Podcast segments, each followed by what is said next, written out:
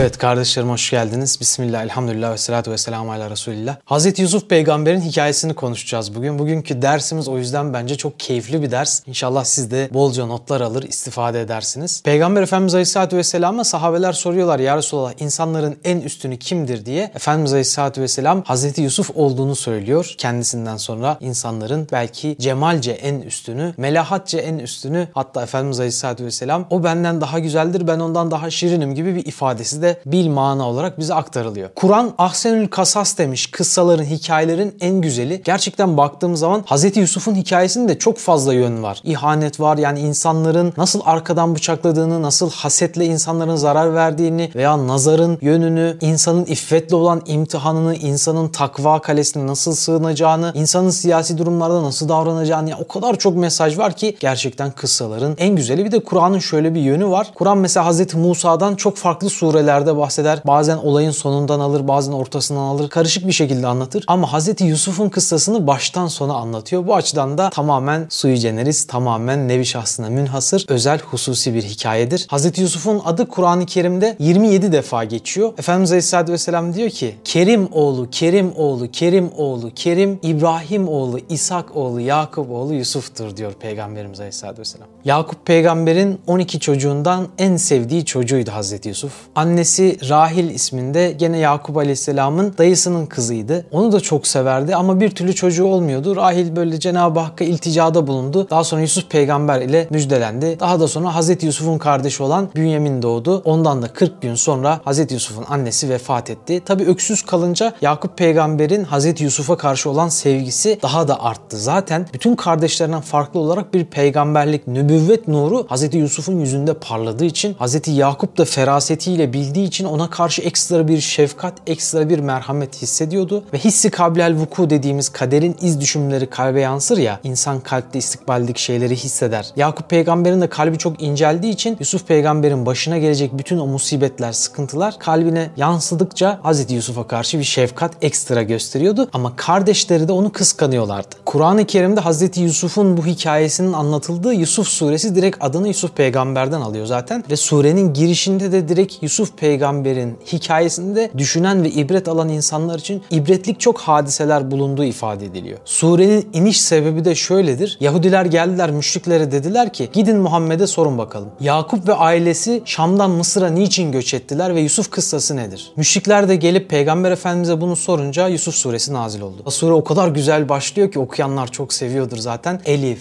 Lam, Ra hurufu mukatta ile başlıyor. Bunlar hem açık hem de açıklayıcı olan kitabın ayetleridir. Düşünüp manasını anlamanız için biz onu diyor Arapça bir Kur'an olarak indirdik. Arapçadan maksat ne? Sizin anlamanız için anlayacağınız şekilde bir dilde indirdik. İkinci mana ne? Arapçanın ifade gücü bakımından mucizevi bir özelliğinin olması. Diğer dillerde bulunmayan bir ifade gücü ve kabiliyetinin olması. Her asırdan, her kavimden, her zeka seviyesinden insana hitap edebilecek şekilde Kur'an'ın icazını Arapçayla ifadesini mümkün hale gelmesi demek. Arapça böyle derin bir dil. Gelelim Kur'an'da dürüstlüğüyle ve güzelliğiyle övülen Hz. Yusuf'un rüyasına. Hz. Yusuf bir gün babasına geldi dedi ki babacığım 11 yıldızla güneşin ve ayın bana secde ettiklerini gördüm. O zamanlar rüya tabiri revaçtaydı biliyorsun hangi peygamber geldiyse o peygamberin asrında döneminde yaşanan hangi mesele revaçtaysa mucizelerde o kabilden gelir. İnsanları daha çok ikna etmesi açısından. O zamanlarda kahinlik veya işte rüya tabirleri gibi meseleler revaçtaydı. Hz. Yusuf'un da mucizesi bu hususta gelmişti. Hz. Yakup'ta da bu ilim vardı ve sakın sen bu rüyanı başkalarına anlatma yoksa sana haset duyarlar, sana kıskançlık güderler ve sana zarar vermelerinden korkarım dedi. Aslında onun peygamber olacağını ve herkesin de ona iman edeceğini buradan okumuştu. Zaten ilerleyeceğimiz hikayenin ilerleyen safhalarında Yusuf peygamberin rüyasını yorumlamasının Hz. Yakup'un yaklaşımlarında etkisi çoktur. Hz. Yusuf bu rüyayı gördüğünde 7 yaşlarındaydı. Ama işte hem öksüz olması hem yüz güzelliği hem yüzünde parlayan nur açısından böyle eşsiz olması babasının ona ekstra bir şefkat göstermesine sebep oluyordu. Bu da kardeşlerini kıskandırıyordu ama şimdi burada rüyadan kısaca bir bahsetmek istiyorum. Kardeşlerinin o hasetlerine ve biraz sonra bahsedeceğim onların yapacakları kötü işe gelmeden evvel. Rüyalar bizim bir rüya videomuz vardı. Orada da bahsettiğimiz üzere 3 çeşittir. Birincisi tepşirat dediğimiz sadık rüyalar. Allah'tan gelen rüyalar. Bunların kaderin iz düşümleri olduğu Ümmül Kitap'tan, Lehvi Mahfuz'dan bir bir nüsha getirerek rüya meleğinin kişiye kaderden bir mesaj getirmesi, Kur'ani, Rahmani bir mesaj getirmesi rüya ile gelen bir irşattır. Peygamberimiz Aleyhisselatü Vesselam diyor ki müminin gördüğü sadık rüya nübüvvetin, peygamberliğin 46 cüzünden bir cüzdür. Yani irşat peygamberimiz vefat ettikten sonra da rüyalarla devam eder. Bazen bizzat peygamberimiz rüyaya girer. Diğer iki çeşit rüya da aslında edgasu ahlem diye geçen yani karışık rüyalar, tabire değmeyecek rüyalar. Bunlar ikiye ayırıyoruz. Bir hadisün nefs denilen insanın yaşadığı o hadiselerin, nefsin yaşadığı hadiselerin işte hayal olarak yansıması bir manası yok. İşte birine aşık olursun, maşukunu görürsün rüyanda falan filan yani böyle. İşinle çok meşgul olursun, işinle ilgili şeyler görürsün rüyanda. Sınava çalışırsın, sınava geç kaldığını görürsün ya. Bunlar işte tabire değmeyen rüyalar. Bir de şeytanın korkutması vardır. Şeytandan gelen böyle karışık,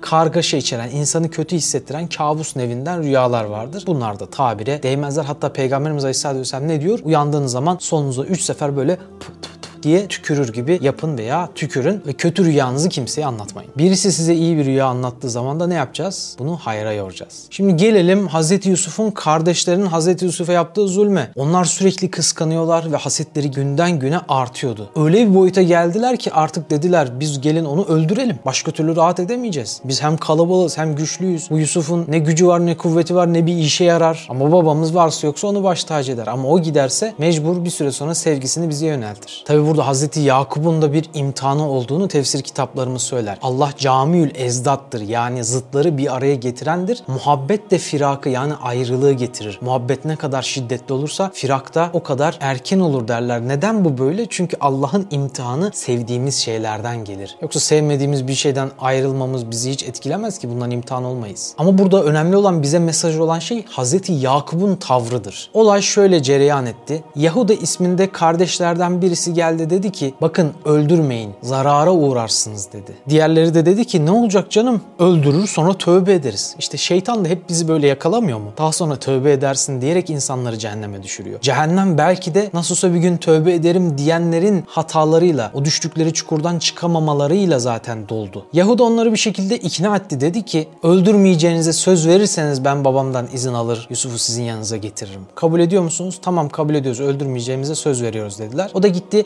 babasına dedi ki babacığım biz kıra çıkacağız, oynayacağız, avlanacağız. Yusuf'u da bizimle gönder. Yakup peygamber bir önceki gece bir rüya görmüştü. 10 tane kurdun Hazreti Yusuf'a saldırdığını ve Hazreti Yusuf'un yerin yarılıp içine girdiğini 3 gün sonra oradan çıktığını görmüştü. Yakup peygamber hemen dedi ki hayır vermem siz olur da götürürseniz bir kurdun ona ilişmesinden korkuyorum dedi. Aslında ne olacağını sezinlemişti. Ne yaptılar, ne ettiler, ne vaatlerde bulundular bir şekilde Yakup peygamberi ikna ettiler. Yakup peygamber de onu sağ salim geri getirmelerini tembihledi. Kardeşleri Hazreti Yusuf'u şehrin dışına doğru çıkarırken Hazreti Yusuf çok mutluydu. Her zaman kendisine kötü davranan kardeşlerinin artık iyi davrandığını görünce ne iyi oldu da böyle kıra çıktık diye düşünmeye başlamıştı ki biraz şehirden uzaklaşınca Hazreti Yusuf'un bağırmasıyla şehirlerin duyamayacağı bir noktaya geldiklerinde Hazreti Yusuf'u dövmeye başladılar. Hatta Rubi isminde bir kardeşi onun göğsüne oturdu. Onu yere ittikten, yere düşürdükten sonra onu boğmaya, öldürmeye çalıştı. Levi ismindeki diğer kardeşi kolunu büküp kırmaya çalıştı. O sırada Hazreti Yusuf, ey babacığım sana verdikleri sözü ne de çabuk unuttular. Şu an yaptıklarını bir görsen oğluna edilen eziyetler bir köleye bile reva görülmeyen işlerdir. O sırada artık acıya tahammül edemeyince Yahuda'ya döndü yalvararak dedi ki Allah'tan kork da beni öldürmek isteyenlere mani ol. Yahuda hemen araya girdi. Hani söz vermiştiniz öldürmeyecektiniz dedi. Size daha hayırlısını söyleyeyim. Şurada kuyu var. At kavminin yaptırdığı bir kuyu vardı orada.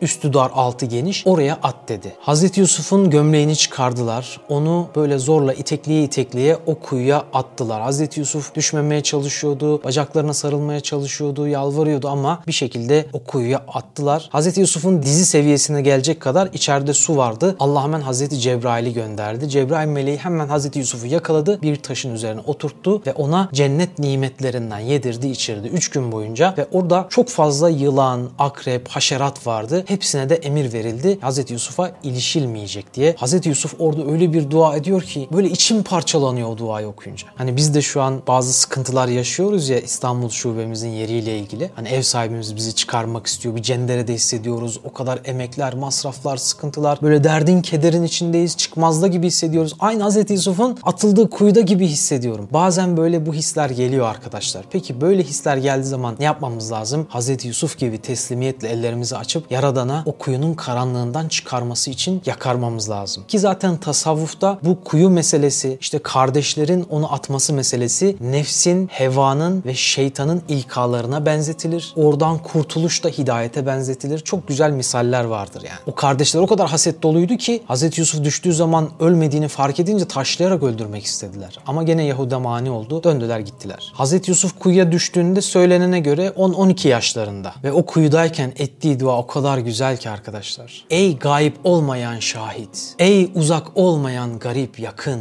Ey mağlup olmayan galip. İçinde bulunduğum sıkıntıdan beni feraha çıkar. Bana bir kurtuluş kapısı aç. Ne kadar güzel bir dua değil mi? Bu duaya vallahi biz çok muhtacız. Daha çocuk yaşta bu duayı ediyor. İşte Hazreti Yusuf'un güzelliği. Hazreti Cebrail de Hazreti Yusuf'a şu duayı öğretmişti. O da çok güzel bir dua. Ey her türlü sıkıntıyı kaldıran, ey her duaya icabet eden, ey her türlü kırıkları saran, ey her türlü zorluğu kolaylaştıran, ey kimsesizlerin kimsesi ve her yalnızın munisi olan Allah'ım. Ey kendinden başka ilah olmayan Rabbim. Seni tenzih ederim. İçinde bulunduğum şu sıkıntıdan bir ferahlık, bu beladan bir kurtuluş kapısı açmanı senden dilerim. İlahi muhabbetini kalbime öyle bir yerleştir ki ondan sonra hiçbir tasam kalmasın. Orada senden başkasının zikri bulunmasın. Ey Rabbim beni muhafaza et. Ey Erhamur Rahimin. Amin. Gerçekten çok güzel bir dua. Yusuf Aleyhisselam kuyuya atılınca o kadar güzel bir şekilde Allah'ı zikretmeye başlıyor ki melekler bu güzel sesi işitiyorlar. Arş-ı alada her yerde düşün hoparlör sistemi varmış gibi, surround sistem varmış gibi o sesi duyuyorlar. Ve melekler Allah'a yalvarıyorlar. Ya Rabbi ne olur bu güzel zikreden sesin yanına gidebilir miyiz? Bize izin verir misin? Allah da onlara o Bakara suresinde geçen hadiseyi hatırlatıyor. İnsanı ilk yarattığı zaman meleklerin Ya Rabbi yeryüzünde fesat çıkartacak bir tür mü yaratıyorsun demelerini hatırlatıyor ve onların gitmesine izin veriyor. Hazreti Yusuf'un abileri geldiler babasının yanına ağlayarak dediler ki onlar bir koyun kesmişlerdi. Hazreti Yusuf'un gömleğini kana bulayıp babalarına yalandan ağlayarak geldiler. Dediler ki kardeşimizi kurt kaptı. Yakup peygamber dedi ki bu kurt sizden daha merhametliymiş ki nasıl oluyorsa hem Yusuf'u yiyor hem de gömlek yırtılmamış. Ben sizin ne yaptığınızı biliyorum fakat bu dakikadan sonra bana düşen güzelce sabretmektir diyor. Yakup peygamberin o güzel duası Kur'an'a geçmiş Yusuf suresinde annem de rahmetli sürekli bu nida ile Allah'a el açardı. İnneme eşku besi ve hüzni ilallah. Ben kederimi ve hüznümü yalnız Allah'a şikayet ederim. Ya o kadar böyle içim dalgalanıyor ki arkadaşlar kederimizi ve hüznümüzü Allah'a şikayet etmeliyiz. Başkalarına değil. Allah'a içimizi açmalıyız ve ona tam teslim olmalıyız. Her şey kaderle takdir edilmiş değil mi? Öyleyse kısmetimize razı olalım ki rahat edelim. Yani akışına bırakmak lazım. Olacağına varır her şey. Stres olmayalım ama Allah'a içimizi açalım. Nefsimizi, halimizi Allah'a şikayet edelim. Hazreti Yakup'un içi öyle yanmıştı ki Peygamber Efendimiz Aleyhisselam Cebrail'e bunu sormuştu. Onun hicranı nereye kadar vardı diye. Cebrail Aleyhisselam da dedi ki 70 tane evladını kaybeden annenin hicranına kadar ulaştı onun hicranı. Bu kadar derinden bir acı ve keder hissetmiş demek ki. Gözleri akmış, o kadar çok ağlamaktan, üzülmekten gözleri kör olmuş ve bitkin düşmüştü. Artık hastalanmıştı o kederden. Efendimiz de Cebrail Aleyhisselam'a bu hikayeden sonra sordu. Peki bunun sevabı, ecri, mükafatı ne kadar oldu için? 100 şehit sevabı kadar bu hadisenin kederinden dolayı sevap kazandı dedi. Ve Cebrail Aleyhisselam bunun sebebini de açıklıyor. Çünkü o Allah'a bir an bile suizan beslemedi. Allah'ın kaderine tam teslimiyetle razı oldu. O sırada oradan geçen bir kafile 3 gün sonra Hazreti Yusuf'u kuyudan çıkardılar. Sonra onu pazarda sattılar. O kadar güzeldi ki herkes onu almak istedi. Hatta böyle iki tane yün ipliği olan bir yaşlı teyze bile hani elinde başka bir şey olmadığı için onunla almaya çalışmış. Ama tabii ki en zenginler üşüşmüş. Sarayda Mısır'ın sultanı olan Aziz Hazreti Yusuf'u almış. Hanımı Züleyha'ya ona emanet ederek demişti ki ona sakın ağır işler, zor işler verme. Onu kendi evladımız gibi yetiştir. Bizim evladımız olmadı. Belki bu bizim evladımız olur da evlatlık ediniriz dedi. O kemal çağına erişince Allah ona hüküm ve ilim verdiğini ayette söylüyor. İşte muhsinlere biz böyle karşılık veririz diyor. Şimdi burada Hazreti Yusuf'un meselesine baktığımızda birkaç şey nazarımıza çarpıyor. Bir, Hazreti Hazreti Yusuf muhsin olduğu için, iyilerden olduğu için, kalbi iyilikle dolu olduğu için, hüsünle donatıldığı için, güzel ahlakından dolayı ve ihlasından dolayı, tam bir tevhidle Allah'a yöneldiğinden dolayı. Yani çok güzel bir kalbe, çok güzel bir imana sahip olduğundan dolayı hayatındaki bütün sıkıntılarda bak sıkıntıya uğruyor. Hem de en mihnetli, en zor sıkıntılara uğruyor. Düşünsene kuyuya atılıyor ölsün diye. Hem de kardeşleri tarafından. Burada da nasıl bir sır var? İnsan emsaliyle imtihan olunur. Bak Habil'le Kabil'e emsaliyle imtihan oluyor. İnsan kardeşiyle imtihan olunur. Şöyle bir detay da vereyim. Hazreti Yakup'un diğer o 10 tane evladı var ya saydık işte Robi, Levi. Bu kardeşlerin hepsi dindardı. ibadet ehliydi. İnançlı olmalarına rağmen haset onları böyle bir kötülüğe itmişti. Daha sonra tövbe ederiz gibi şeytan insanı kötülük işletmek istediği zaman tövbe edersin diyor. Şu faizi kullan bir şey olmaz tövbe edersin. Şu zina işle sonra tövbe edersin ama ne oluyor? O kalpte yara açıyor ve o yaradan dolayı insan yaradandan uzaklaşıyor. Daha sonra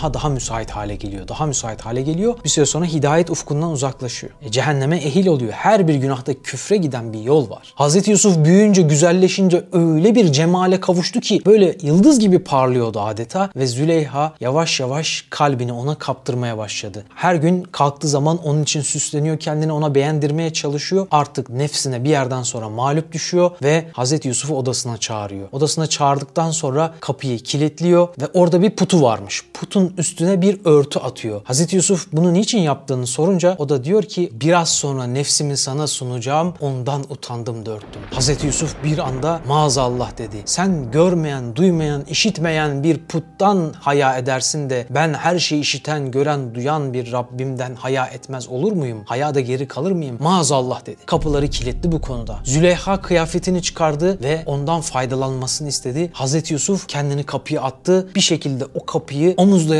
dışarı çıktı. Züleyha da onu tutmak için arkadan elini uzatınca gömleği arkadan yırtıldı. Bir anda kapının önünde kapı açıldı. Mısır'ın azizi karşısında baba hükmünde olan yani idareci pozisyonda Mısır'ın lideri olan zat karşısında karısı arkada Hazreti Yusuf odadan çıkıyor. Ne olduğunu anlayamadı. Bu ne hal diye sordu. Züleyha da hemen kendisini korumak için dedi ki bu adam benden faydalanmak istedi. Hemen ona cezasını ver. Karının iffetini koru. Bir anda hiddetlendi Mısır'ın azizi. Yusuf biz sana bu kadar iyilik ettikten sonra senin bu nankörlüğün değil midir dedi. Hazreti Yusuf bir anda kendini savundu. Hayır. O benden faydalanmak istedi. Ben de kendimi kurtarmaya çalıştım. Ayette de geçtiği üzere hemen oradaki bilginlerden birisine danışıldı. O da dedi ki gömleğine bakın. Eğer arkadan yırtılmışsa kaçmaya çalışıyordur. Yusuf haklıdır. Ama önden yırtılmışsa o zaman Züleyha haklıdır. Baktılar ki gömlek arkadan yırtılmış. Yusuf haklı. Yusuf'un hikayesinde dikkat ettiyseniz hep bir gömlek var. Kuyuya atıldığı zaman kana bulanmış gömlek birinci gömlekti. Bu ikinci yırtılan gömlek ise Hazreti İbrahim'in gömleği olduğu söylenir. Hazreti İbrahim ateşe atıldığı zaman cennetten ona bir gömlek getirildi ve giydirildi. Ateşte kendisi yanmadığı gibi gömlek de yanmadı. İşte o gömlek Hazreti Yusuf'un üstündeydi. Daha sonra bu gömlek tekrar giyilmeye devam edilecek ve daha sonra bu gömlek bir başka sahnede daha karşımıza üçüncü defa çıkacak. Şimdi odanın içine tekrar geri döndüğümüzde orada bir sahne var. Züleyha Hazreti Yusuf'u kendine celbetmek için hey telek demişti. Gelsene bana demişti. Kendine çekmeye çalışmıştı. Kur'an da diyor ki şayet bürhanımızı delilimizi ona göstermeseydik o da meyletmişti. Yani koskoca bir peygamber olmasına rağmen demek ki erkeğin nefsi böyle şeylere karşı koymakta çok zorlanıyor. Hatta sakın sakın diye 3 sefer ona ses işittirildi ama Hazreti Yusuf böyle bir cazibenin karşısında güzel bir kadın, genç bir kadın, kendisini sunan şöhretin, servetin ve şehvetin esiri olan bu üçünde de zirveyi şahikayı yakalamış bir kadının o cezbedici daveti karşısında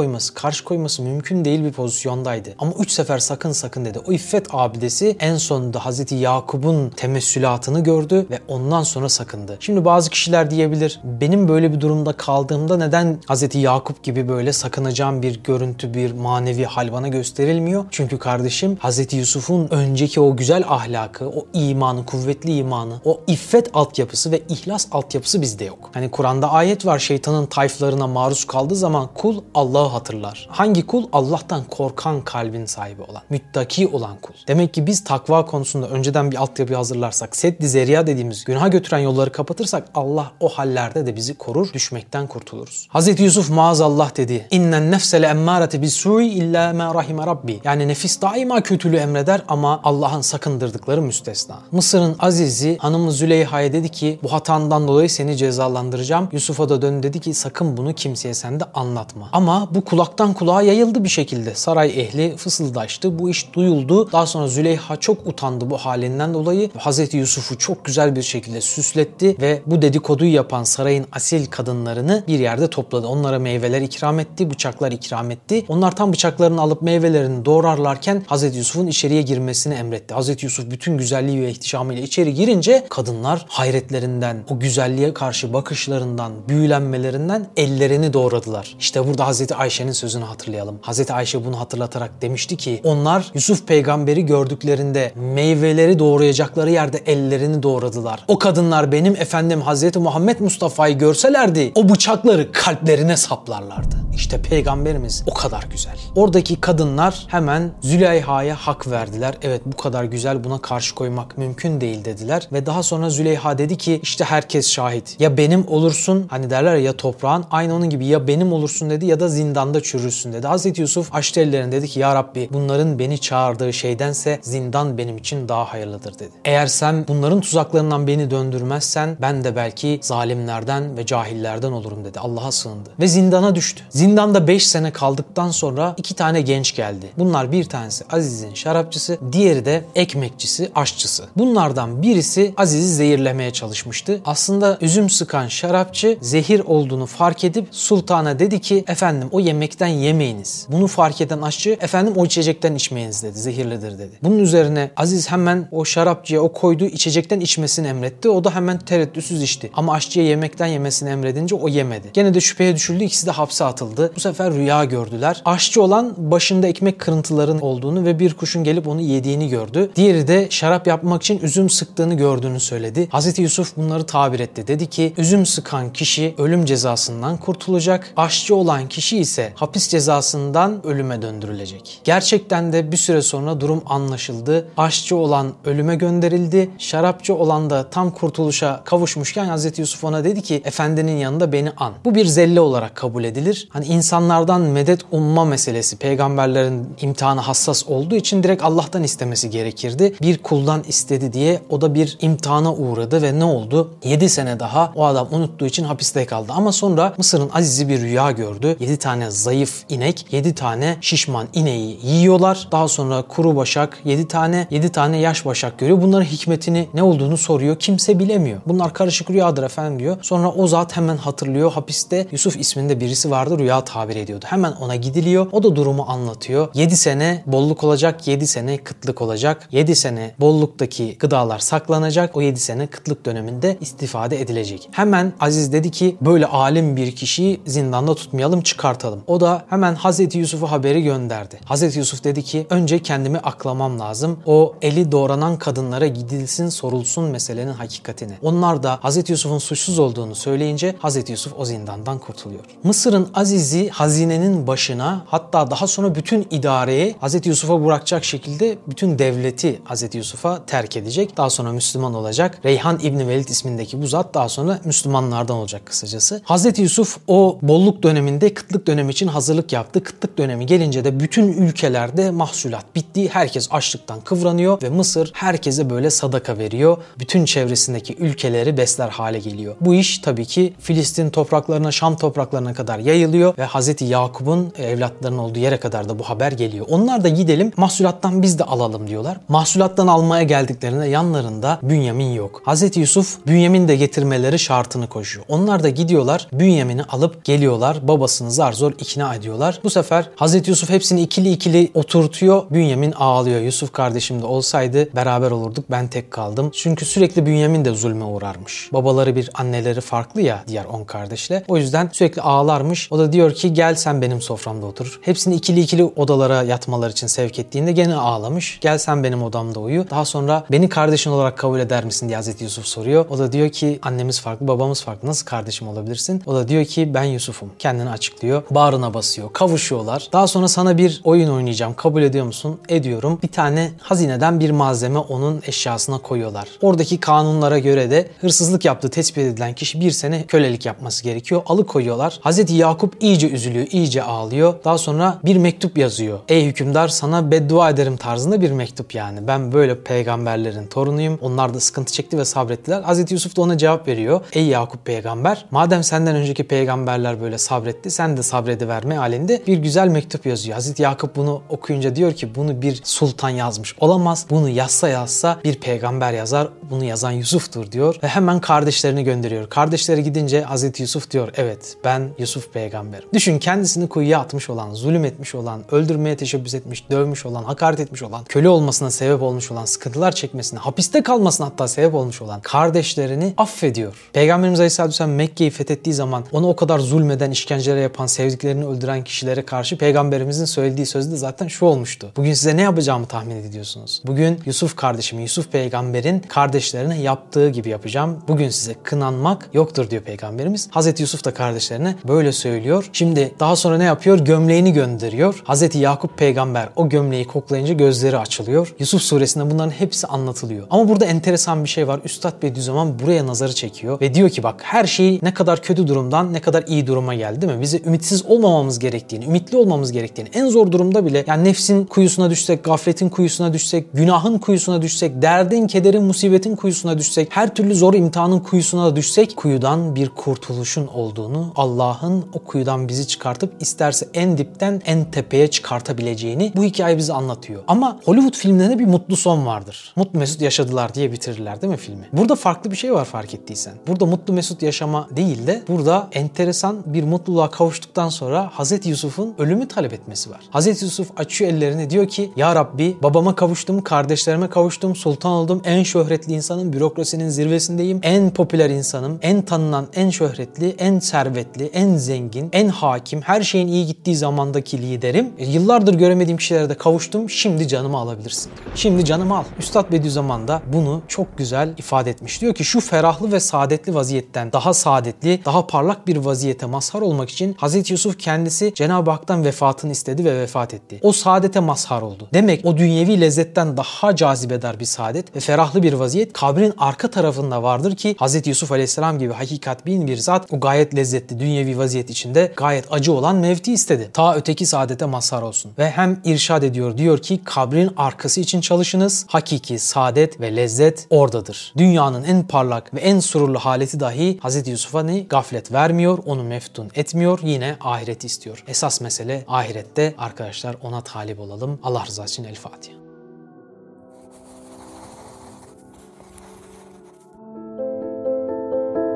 Osman Sungur Yeke'nin yeni çıkan Hadi İnşallah kitabını Nüve Pazar, DNR ve kitapyurdu.com'dan satın alabilirsiniz.